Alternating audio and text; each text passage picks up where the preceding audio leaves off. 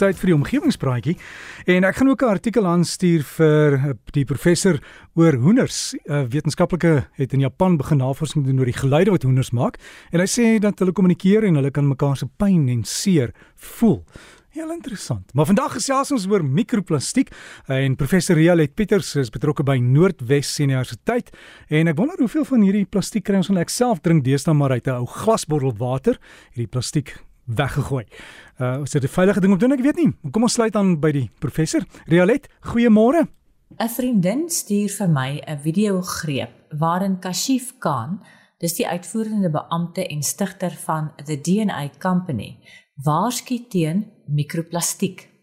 The DNA Company is in Ontario, Kanada, gebaseer en gebruik die inligting wat hulle uit mens se DNS ontleed om individu-spesifieke inligting te verskaf oor verskeie sake wat jou gesondheid beïnvloed en gee raad oor hoe om dit te verbeter. Wil nou nie gratis advertensie verskaf vir hierdie besigheid nie, maar wil uitkom by die videogreepie wat ek gesien het en waarin Kashif Khan ons waarsku teen die gevare van mikroplastiek en tot watter mate ons daaraan blootgestel is. Hy sê ons neem weekliks soveel mikroplastiek deeltjies in dat as alles bymekaar gesit is, dit soveel soos 'n kredietkaart se plastiek is. Ons kry dit in uit ons skoonheids- en persoonlike higiëneprodukte en ook uit ons kos uit. In die omgewingspraatjie insetsels gesels ons dikwels oor plastiek en mikroplastiek. En die onderwerp van mikroplastiek en die gevare wat dit vir die mens en die omgewing inhou, is sekerlik nog lank nie uitgeput nie en kort kort ontdek iemand 'n onverwagte neeweffek van mikroplastiek besoedeling. In die wetenskapjoernaal Environmental Pollution verskyn 'n artikel aanlyn op 3 April van hierdie jaar waarin Australiese navorsers hulle navorsing rapporteer. Hulle het die effek van die verbindings wat uit polyvinylkloried plastiek uitloog op marine bakterieë ondersoek Die meeste van ons verwys na hierdie soort plastiek as PVC. Meer as 12 miljoen ton plastiekafval beland jaarliks in ons oseane en behalwe dat dit diere lewe verstrengel, verwrig en spysverterings verstop, beïnvloed die plastiekafval die samestelling en funksie van die marine bakterieë se gemeenskappe. Daar is onder andere al bewys dat daar 'n toename is van patogeniese bakterieë Met ander woorde, die siekte veroorsakende bakterieë, maar ook 'n toename in die gene, dis nou genes in Engels, wat weerstandigheid teen antibiotika bevorder. Maar die vraag wat die Australiese navorsers spesifiek wou beantwoord is of die effek van die plastiekafval net toe te skryf is aan die nuwe habitat wat drywende plastiekdeeltjies vir bakterieë bied sien patogene bakterieë kan nou oor groot afstande oor die see versprei omdat dit in die biofilms oorleef wat met plastiek geassosieer is.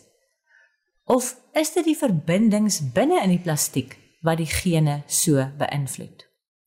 Sasha Tetu en haar kollegas het seewater versamel en dit gemeng met verbindings uit PVC plastiek uit uh, met verbindings wat uit PVC plastiek uitloog en ondersoek hoe die DNS van die bakterieë wat in die seewater leef verander in net 6 dae se tyd. PVC is een van die algemeenste soort plastiek en net soos ander plastiek loog dit bymiddels soos metale, kleurstowwe en stabiliseerders uit. Hierdie bymiddels word by die plastiek toegevoeg om dit te verbeter. Wat Teto en haar kollegas uitgevind het, is dat die bakterieë toenemend meer gene kry wat kenmerkend is van groter virulensie, dus siekte veroorsakend, asook dat daar meer gene teenwoordig was wat kenmerkend is van antibiotiese weerstandigheid. Hulle is nog net nie presies seker hoe of waarom dit gebeur nie.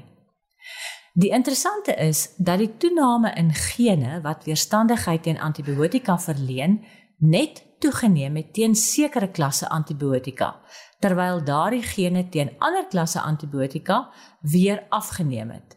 En dieselfde tendens het met die virulensie gene gebeur. Die gene wat verantwoordelik daarvoor is om die gasheer se immuun se immuunrespons te onderdruk, het betekenisvol toegeneem, maar gene vir ander negatiewe effekte het weer afgeneem.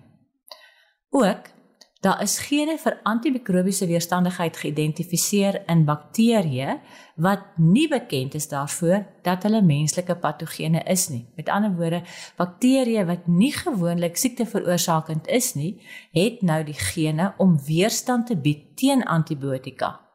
En hierdie eienskap kan deur die proses van horisontale geenoordrag die eienskap aan patogene of siekte veroorsakende bakterieë oordra.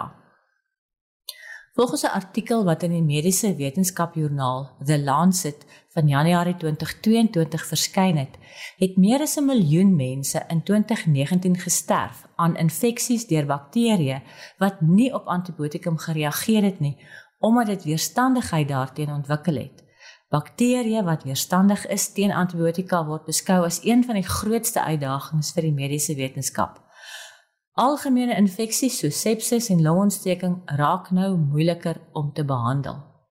En nou lyk dit of die blootstelling van omgewingsbakterieë aan plastiek bydra tot nie net die seleksie van geharde patogene bakterieë nie, maar selekteer ook vir antimikrobiese aktiwiteit wat indien dit nie reeds in die patogene bakterieë teenwoordig is nie, dit via die proses van horisontale geenoordrag wel daar sal beland wat dit nog moeiliker sal maak om infeksies onder beheer te bring. Wat nog meer kommerwekkend is, is dat sommige bymiddels wat by plastiek ingesluit word, triclosan is, wat spesifiek 'n antibakteriese middel is, dus 'n verbinding wat bakterieë dood.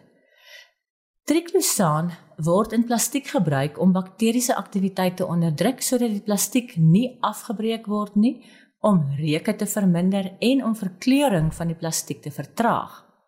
Maar die teenwoordigheid van verbindings soos triclosan in die omgewing verhoog seleksiedruk vir bakterieë wat daarteen weerstandig is. En so neem antibiotiese weerstandigheid in bakterieë toe. Daar is op omgewingsvragie se Facebookblad 'n plakkaatjie met 'n voorstelling waarin plastiekbesoedeling met die invloed daarvan op bakterieë gekoppel word. Gaan kyk 'n bietjie. So gesels professor Jalet Pieters van Noordwes Universiteit. Joe, om te dink dat jy kry so 'n kredietkaart grootte plastiek in elke week. Maak my bang. Kans botter op sy land daarom beter. Ehm um, as jy wil kontak maak, onthou jy kan gaan loer op die omgewingspraatjie Facebookblad. Hulle plaas die inligting daarvoor en daarvan af kan jy kontak maak. Dalk het jy iets waaroor ons kan gesels, dalk het jy 'n idee, dalk het jy 'n vraag en dan kan Realiteit dit daar raak sien. So het jy hom. Gaan soek op Facebook vir omgewingspraatjies en jy sal die groep sien.